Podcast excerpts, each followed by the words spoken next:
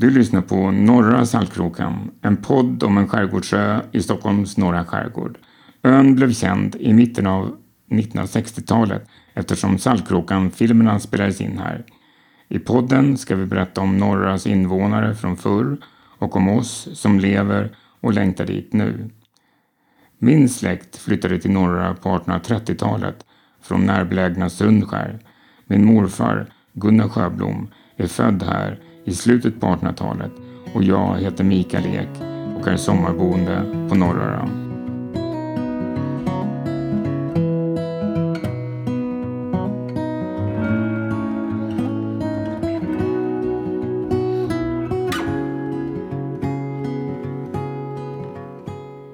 Förr i tiden var det inte helt ovanligt att man flyttade hus och på Norra finns det flera hus som är hitflyttade.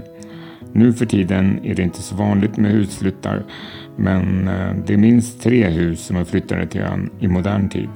Lillemor och Ville Giesecke hus ligger nära den uttorkade byfladen där den gamla byn låg fram till dess att ryssarna brände den 1719. Här berättar Ville om huset är flyttat.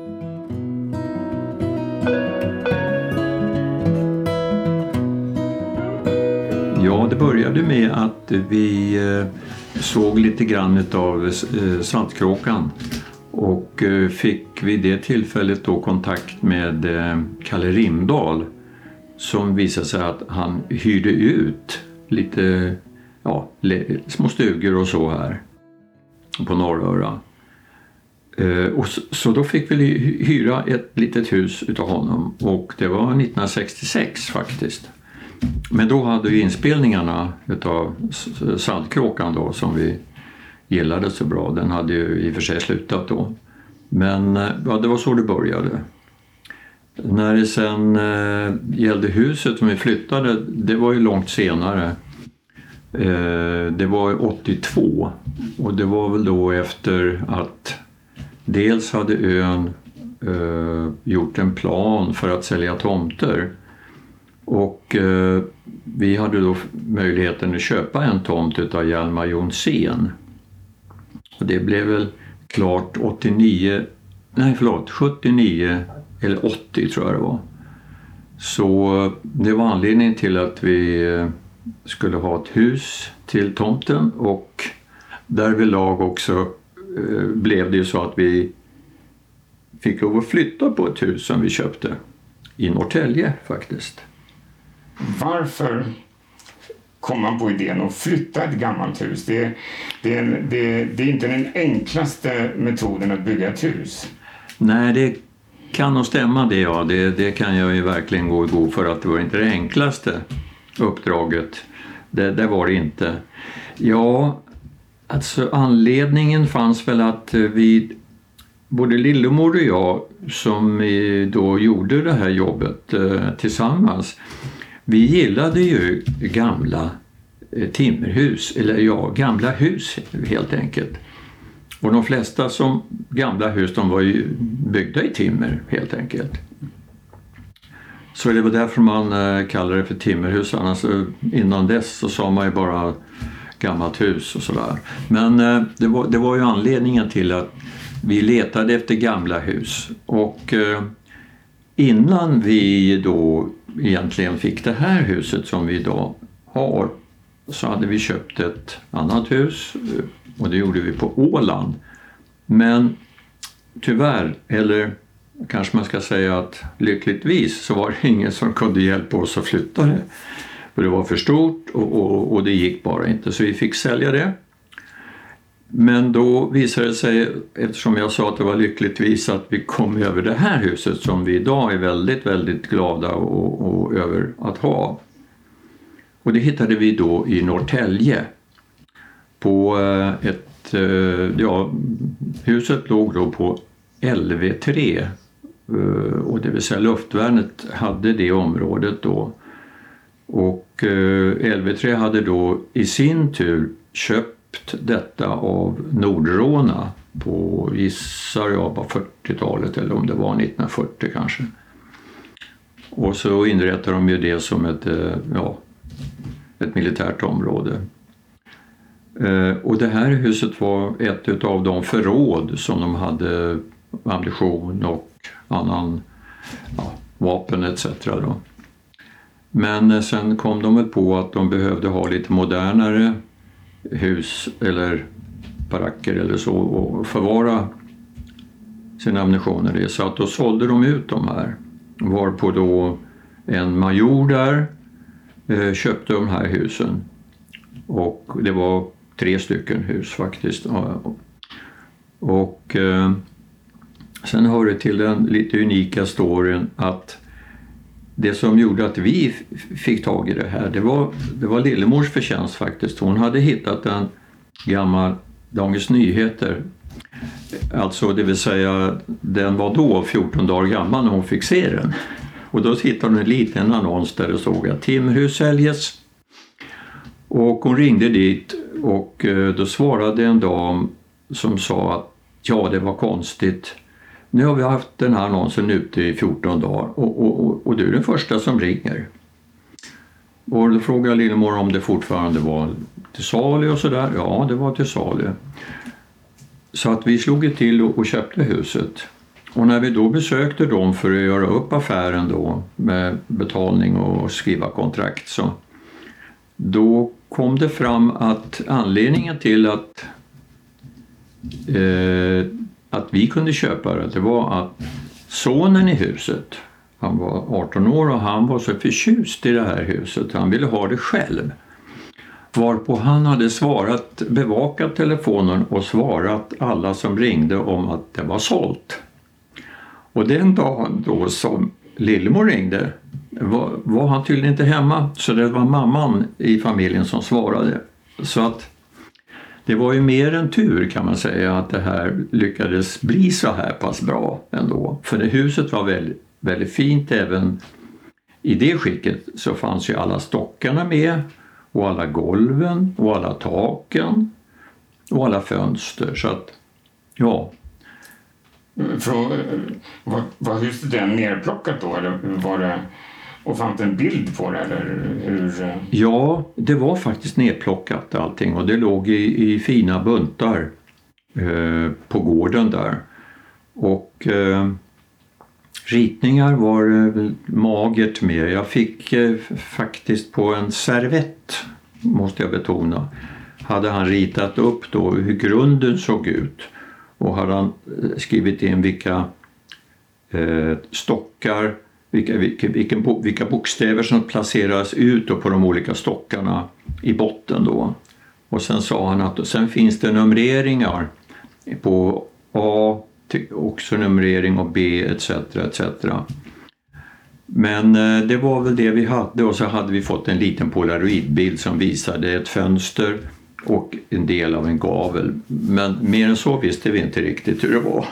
Så ni visste inte vad det var för hus ni skulle Nej, vi, vi anade väl att det skulle vara något hus för han sa att det är cirka Måtten visste vi ju då i golvet, eller eh, markmåtten visste vi ju. Det var 8 gånger 10 meter. Och sen att det var en och en halv våning upp. Så det, vi tyckte det var väldigt fint. Så att eh, Ja, så att eh, man vet ju inte hur, hur saker och ting går ibland men den här gången så gick det ju väldigt, väldigt bra med allting tycker jag.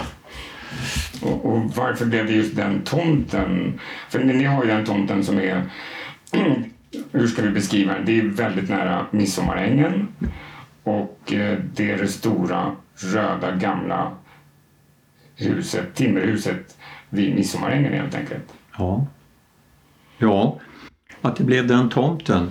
Eh, tomten eh, den köptes ju något år innan eller om det var två år innan. Eh, och den köpte vi av Hjalmar Jonsén. Och han hade då två tomter där eh, på det området. Och eh, det var väl för att den hade inga stora träd till exempel. Och vi gillade att det här skulle vara lite öppet runt om. Och det var det faktiskt då. Nu har det ju vuxit sig mycket träd runt omkring där. Så. Men då var det mycket öppnare och det tilltalade oss väldigt mycket. Hur gammalt är huset då? Ja, vi hittade ju då när vi började bygga så hittade vi en lapp på en av stockarna då. Och då stod det att det var uppfört 1898, stod det på den. Så att, eh, ja man får väl tro att det var så då att eh, det var uppfört då. Men sen visade det sig när, man, när vi höll på att lägga upp stockarna att det var många stockar som var betydligt äldre för de var rödmålade. In, stockar som låg inne i huset var rödmålade och då förstod vi ju att man, man tog ju då eh, timmer från andra hus som man plockat ner och, och, och la in sådär. Så att det var nog lite blandat. Men ja, Vilken skillnad på tänk på den tiden. Man verkligen återanvände och Ja. även stockar var någonting som var värdefullt. Oh ja, oh ja, det är ju det är förmodligen också tidsödande att göra stockarna på det sättet, att passa in dem då med sina... Det här huset är också byggt med laxknut kallas det för. Och det vill säga att eh, man behöver inte ha några knutbrädor utan laxknuten sluter Eh, hörnet på huset på ett effektivt sätt. Så där finns alltså inga eh, ingångar för vatten och, så vidare. Men det gör också då att, fick vi höra, ja det var ju så också när vi som, ja, vi är ju amatörer i det, här området i alla fall. Då gick vi och fick lite råd utav eh, Skansen som har då väldigt många hus och som då förvaltar av den här sorten då. Eh, och då fick vi veta att laxknutar, det byggde bara byggmästare. Det byggde inte... Ja, man var tvungen att vara byggmästare för att klara av att göra laxknut på hus. Så det var lite kul att få veta det. Och det betyder att de kallas för laxknut. Det betyder att i, eh, i knutens ände så ser alltså Eh, stocken är, är, formad på ett visst sätt så att det ser ut som en laxstjärt. Och sen är det en laxstjärt åt, åt den som möter men eh, omvänt håll så att de passar ihop.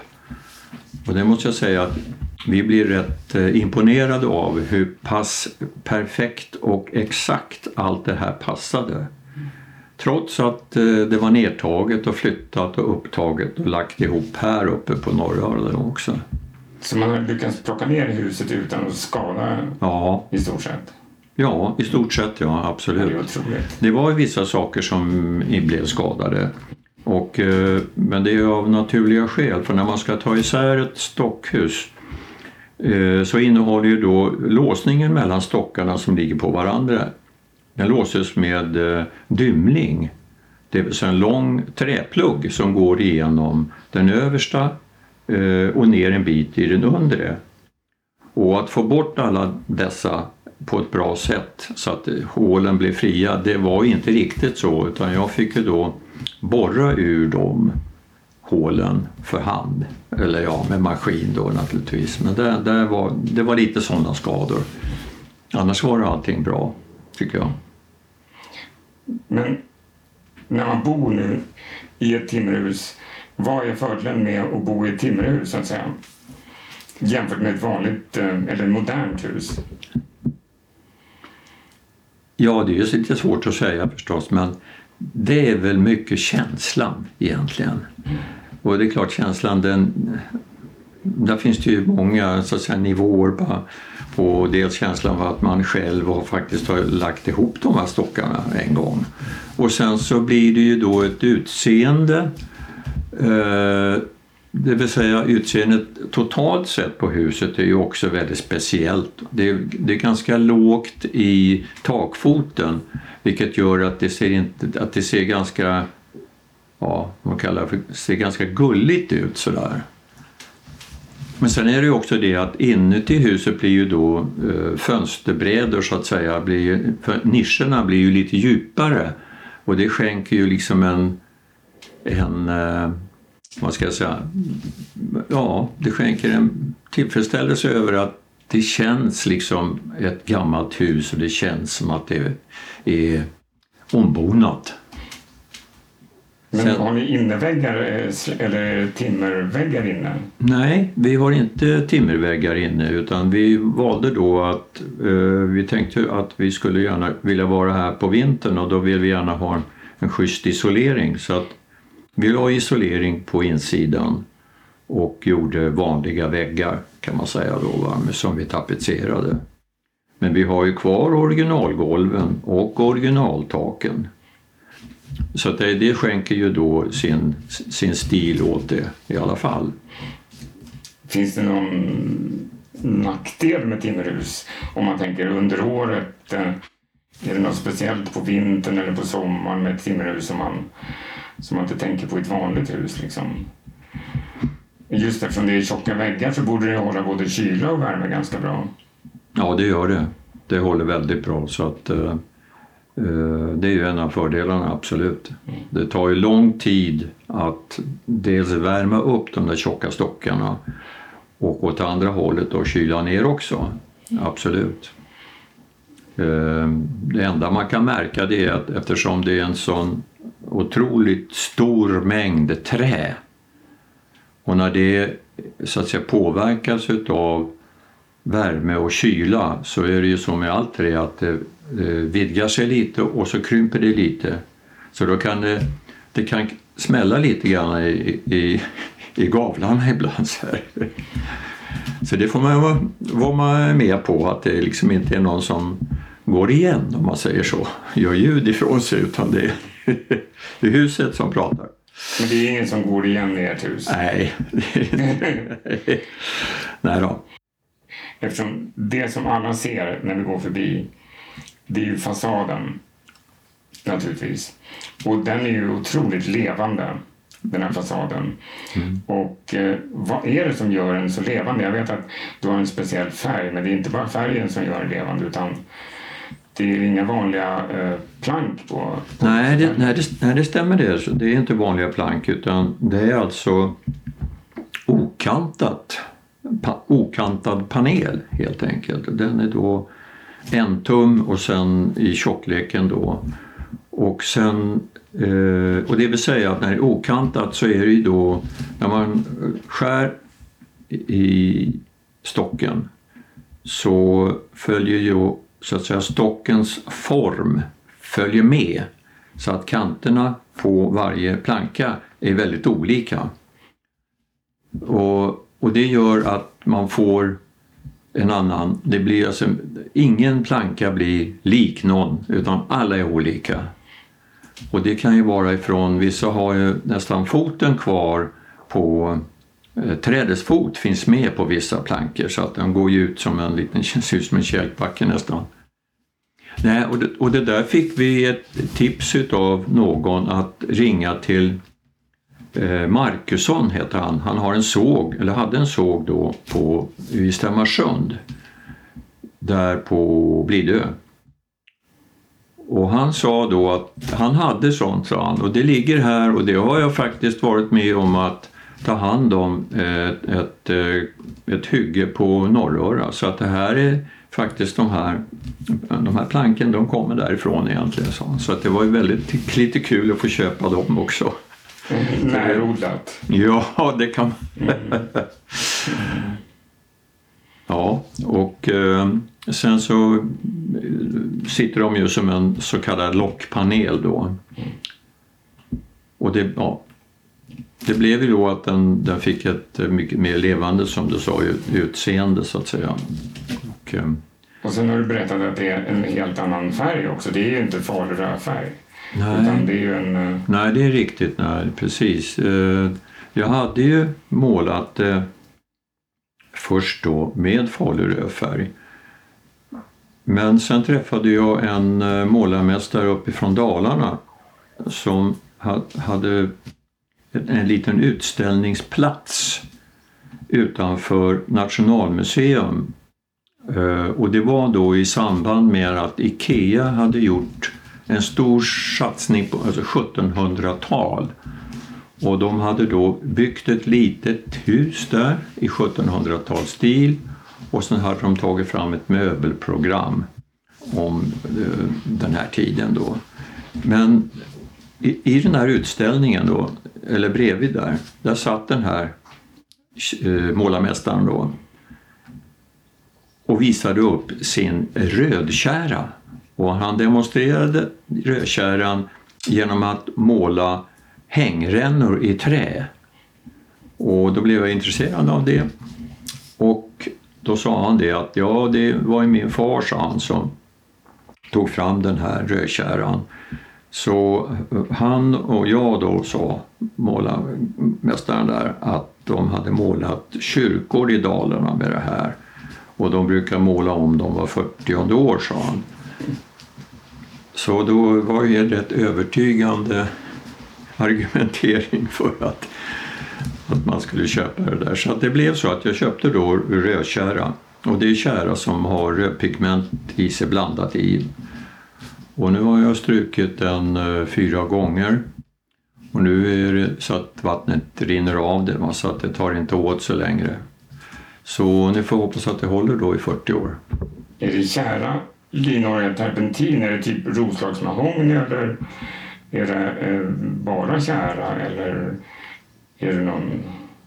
Det är svårt att svara på det tycker jag. Det kanske är ett men, hemligt eh, recept här ja. För, Ja, det, det är ett väldigt hemligt recept. Ja. mm. Eh, och eh, den, den, man får ju blanda upp den då och det brukar jag göra då. Det, och då är det ju egentligen så att käran är helt svart. Sen när jag blandar i, det ligger inblandat det, men jag rör om då kan man säga. Då kommer det upp den här röda färgen så att då blir den väldigt klar röd. Och sen när man har målat den så mörknar den aningen. Så det blir lite mörkare i tonen än den syns att vara. Men eh, ja, Oj, vi som har hållit på och målat om vårt hus ja, minst var tionde år. mm, Och eh, för, vad var det, på 80-talet så lyckades måla med någon sån här hemsk plastfärg som man behövde ta bort allting. Och att det här inte har slagit mer, det är ju ett eh, under i denna tid av hemska färger faktiskt. Även om de kanske har blivit lite bättre på senare år. och du tänker på rödfärg, röd, rödkäran? Ja, precis. Ja, nej, det var så att han ville inte sälja det här helt enkelt. Han hade fått eh, förslag både från Alcro och från Beckers och flera av de här stora. Men han hade avslagit det så att eh, eh, han berättade det för mig. Och däremot så sålde han då till eh, eh Skärgårdsstiftelsen för dem, och då hade han andra produkter också i, i sitt sortiment utan rödkäran. Rödkäran är målad på eh, eh, Vasamuseet. Så den är målad med det, berättade han då. Och, eh, så att nej, han var ja, han ville hålla det där själv alltså. Mm. Så han, alltså, han, eh, han köpte då, det var finsk kära i botten och sen så hade han då receptet på att kunna få det här att fungera tillsammans med, med rödpigmenten. Men kan man ha andra pigment också då? Som det skulle kunna vara gula eller andra färger? Skulle Kanske. man- Ja, kanske. Kanske. ja. Nej, men rö- rött är ju verkligen traditionellt. ja. Jag måste kanske passa på också att säga att, att eh, det här med att återgå till eh, vårt timmerhus ett tag då, så, så eh, apropå Lillemor så var hon med och byggde ju det här tillsammans. Vi gjorde ju det tillsammans, lyfte de här stockarna tillsammans. Så hon var, ju- hade ju, hon var ju den som hade, eh, vad ska man säga, hon var generalen i det hela. Så att hon skötte allting nästan som det var runt omkring dessutom. För det var ju inte lite det heller. Och eh, dessutom så målade hon har ju målat alla fönster som finns där. Så hon har blivit specialist, målerispecialist i det här laget.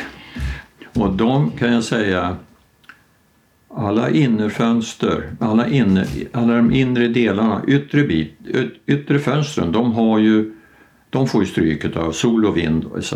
Men det som ligger emellan och det som då är inåt är ju målat för 38 år sedan.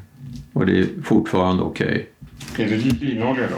Nej, det är inte utan det är väl modern färg om man säger. Men inte, inte plast.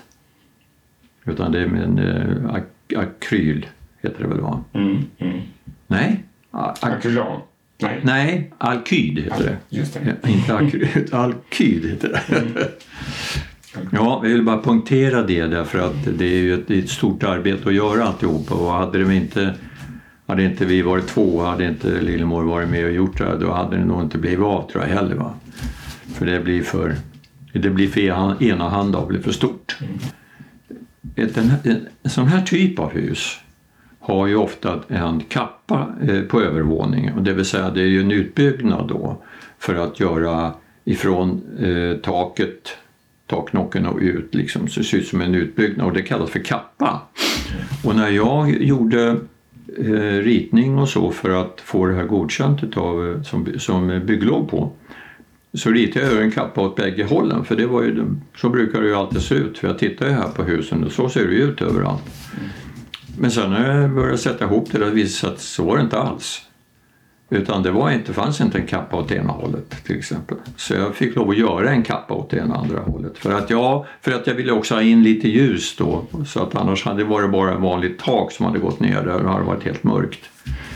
Så det var en liten egenhet så jag fick göra den själv. Men då fick jag ju, då konstruerade jag den själv och använde timmer till att göra en, en, ett regelverk av det där. Ja, för det fanns, alltså den, den, just den här detaljen fanns inte i... Den fanns inte med, nej. Så att det, det, det är den som då vetter ner mot ängen Just det. bak på baksidan. Alltså. Och framåt också. Nej, framåt upp mot uh, entrén där, där, den fanns. Okej. Den fanns Mm. med. Men det var den åt andra hållet. Men, men en sak vill jag fråga om, för att ni har en väldigt speciell entré och den är vitmålad och den, den är väldigt vacker. Är det, är det en traditionell typ att göra entré? För den, den här första kvisten skulle man kunna säga, är det inte det? Jo, det är det. Eh, Farstukvisten vet jag inte om den är i, så att säga, hör till den ålder som det här huset kommer ifrån i slutet på 1800 Det vet jag inte om man målade vitt då. Men, eh, men sen blev det ju vanligare att ha en vit entré. Senare under, under 20-talet och så. Eh, Så det, det, mer än så vet jag inte om just det. Va? Mm. Men det ger huset en väldigt fin karaktär. Ja, det gör det faktiskt. Det, har det liksom passar in med att eftersom huset inte är så högt. Takfoten är som jag sa förut, den är lite lägre än, än det brukar vara. Va? Då passar de här in på ett bra sätt så att det känns lite gulligt. Hur många rum är det? Vad, vad ska man... Ja, det var nog så här då att eh, som vi har förstått efteråt så hade man nog byggt huset med två stycken kök. Och så var det då en övervåning och vi gissar då att från början var det tänkt att det skulle vara två familjer som skulle kunna bo i huset. Men eh, mer än så eh, vet jag nog inte mycket, så mycket om det där. Det fanns ju i, i originalet så fanns det två stycken kakelugnar. Men de var tyvärr så dåligt skick så det enda vi kunde spara eller var, ha kvar det var en fris. Så, så vi gjorde en kakelugn då i det rummet som vi kallar för salen, det lite större rummet. Då gjorde vi en inte vi själva utan det var muraren som murade en, en tegelugn, om man så, ingen kakelugn utan en gjord av tegel murad tegel. Men det är samma princip då. Och sen så gjorde vi ju då eh, i köket då, det större köket gjorde vi då som kök och en vedspis. Och sen så intill vedspisen så gjorde vi rummet bredvid där som vi har som matrum då, där gjorde vi då en öppen spis också. Och så har vi satt in en liten kamin då i det minsta rummet som vi har där nere. Där nere är det då vi har ett litet sovrum och så har vi salen, så har vi ett matrum och så har vi ett kök. Och sen är det en trappa upp.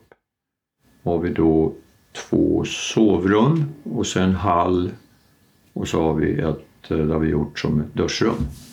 Just det, och ni har ju två skorstenar. Det är lite speciellt på ett hus. Ja, det är det ju. Det är det ju. Och det berodde väl antagligen på det att man hade kakelugnar i, på två eller tre ställen faktiskt. Det som vi hade material när vi, när vi köpte det, det var två kakelugnar. Men vi gissar på att eh, det var på Nej, men, nej, det stämmer. Nej, det stämmer. Det var två kakelugnar och sen var det ju två kök.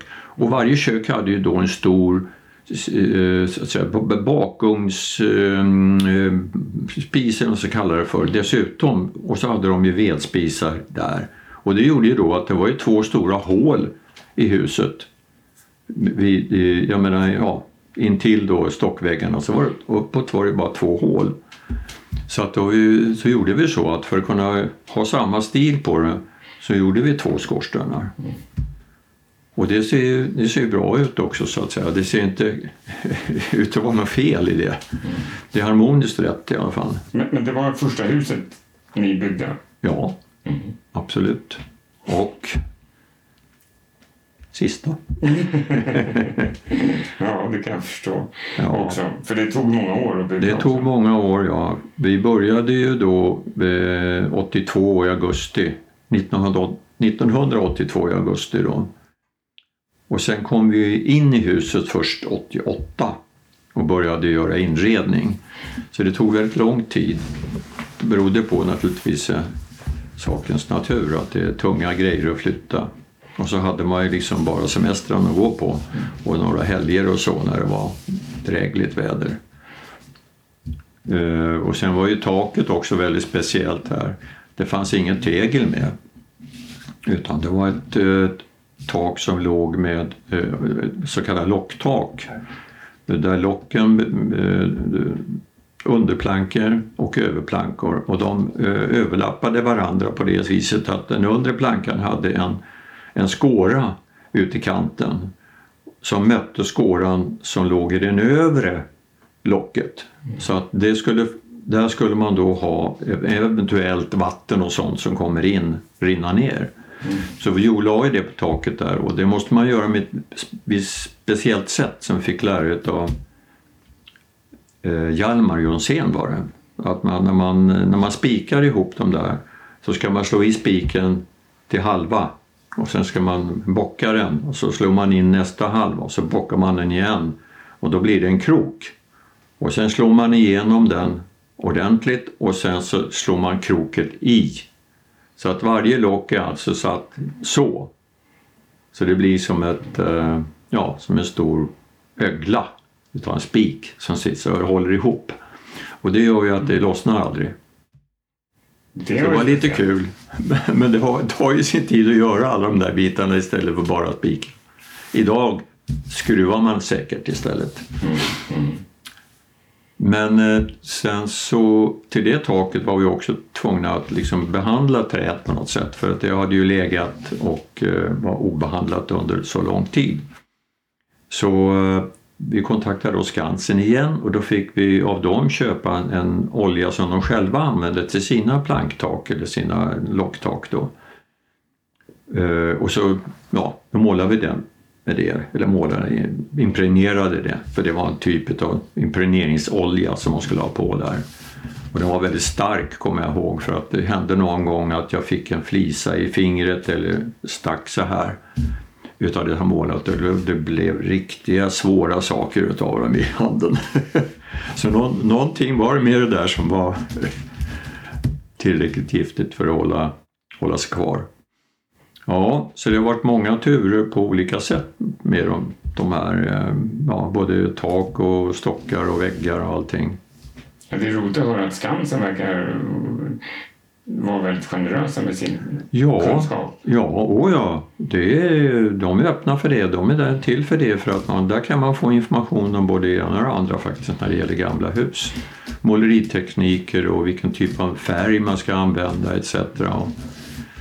Själv använder jag då för innertaken eh, så har jag dem, de är lutade med en form utav eh, eh, oljelut så att de, man, man eh, får bort gul, det som gör att träet gulnar det finns inte utan det, som, det stoppar i gulningen utan nu är det då en en grå färg istället. Och det var likadant med golven.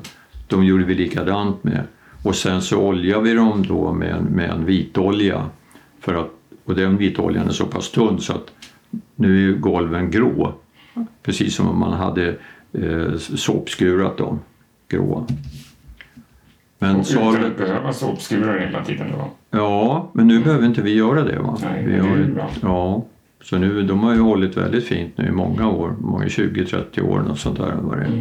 Nej, det är det inte, men ja, jo, det bör närma sig 30 år nu. Taket i salen däremot, det gjorde jag ju på, det gjorde jag, eh, ville jag ha lite granna eh, färg på. Och då gjorde jag den i en, eh, en, en torr tempera. Gjorde jag. Så att jag köpte ägg då utav Solveig Dahl och det ska vara sådana ägg som är ute på landet så att säga, inte man köper i butik utan det ska vara sådana som finns ute. Fick jag läsa om, det var ett gammalt recept. Så jag blandade det med pigment och sen så målade jag på det så fick det ligga och torka. Och sen polerade jag det med en sån där Scotch Brite då, så att den blev, fick en yta. Och det, det var jättekul att se sen för att ingen planka är lik någon Alltså alla har olika toner. Mm. Så det blir väldigt levande och vackert. Komma dit och titta. Det ska jag absolut göra. Jag får tacka dig så jättemycket William. Ja, vad kul att få komma hit och prata lite grann med dig om det här också, tycker jag. Ja, det är roligt och jag tror det är många som också... Alla på ön har ju någon relation till ditt hus på så sätt att man har gått eller sprungit eller någonting förbi. Det finns ju flera andra hus som är flyttade men ja. de flesta har ju inte sett dem. Nej. Alla har ju sett ditt och ja, det kan, ja, det ligger så till, ja, precis. Ja, nej men det är riktigt alltså. Det, ja, det, är ju, det är ju faktiskt ja. Man måste hela tiden poängtera att eh, Lillemors hus också ja. Så att det, ja. det, det, eftersom jag sitter här nu och pratar så får jag lov att säga det eftersom hon inte är med nu. Va? Mm. Så ska jag säga det också. Och hoppas att nu det bara är så att det får stå kvar några år till, huset, så att det inte råkar ut för en ny flyttning. Man vet ju aldrig.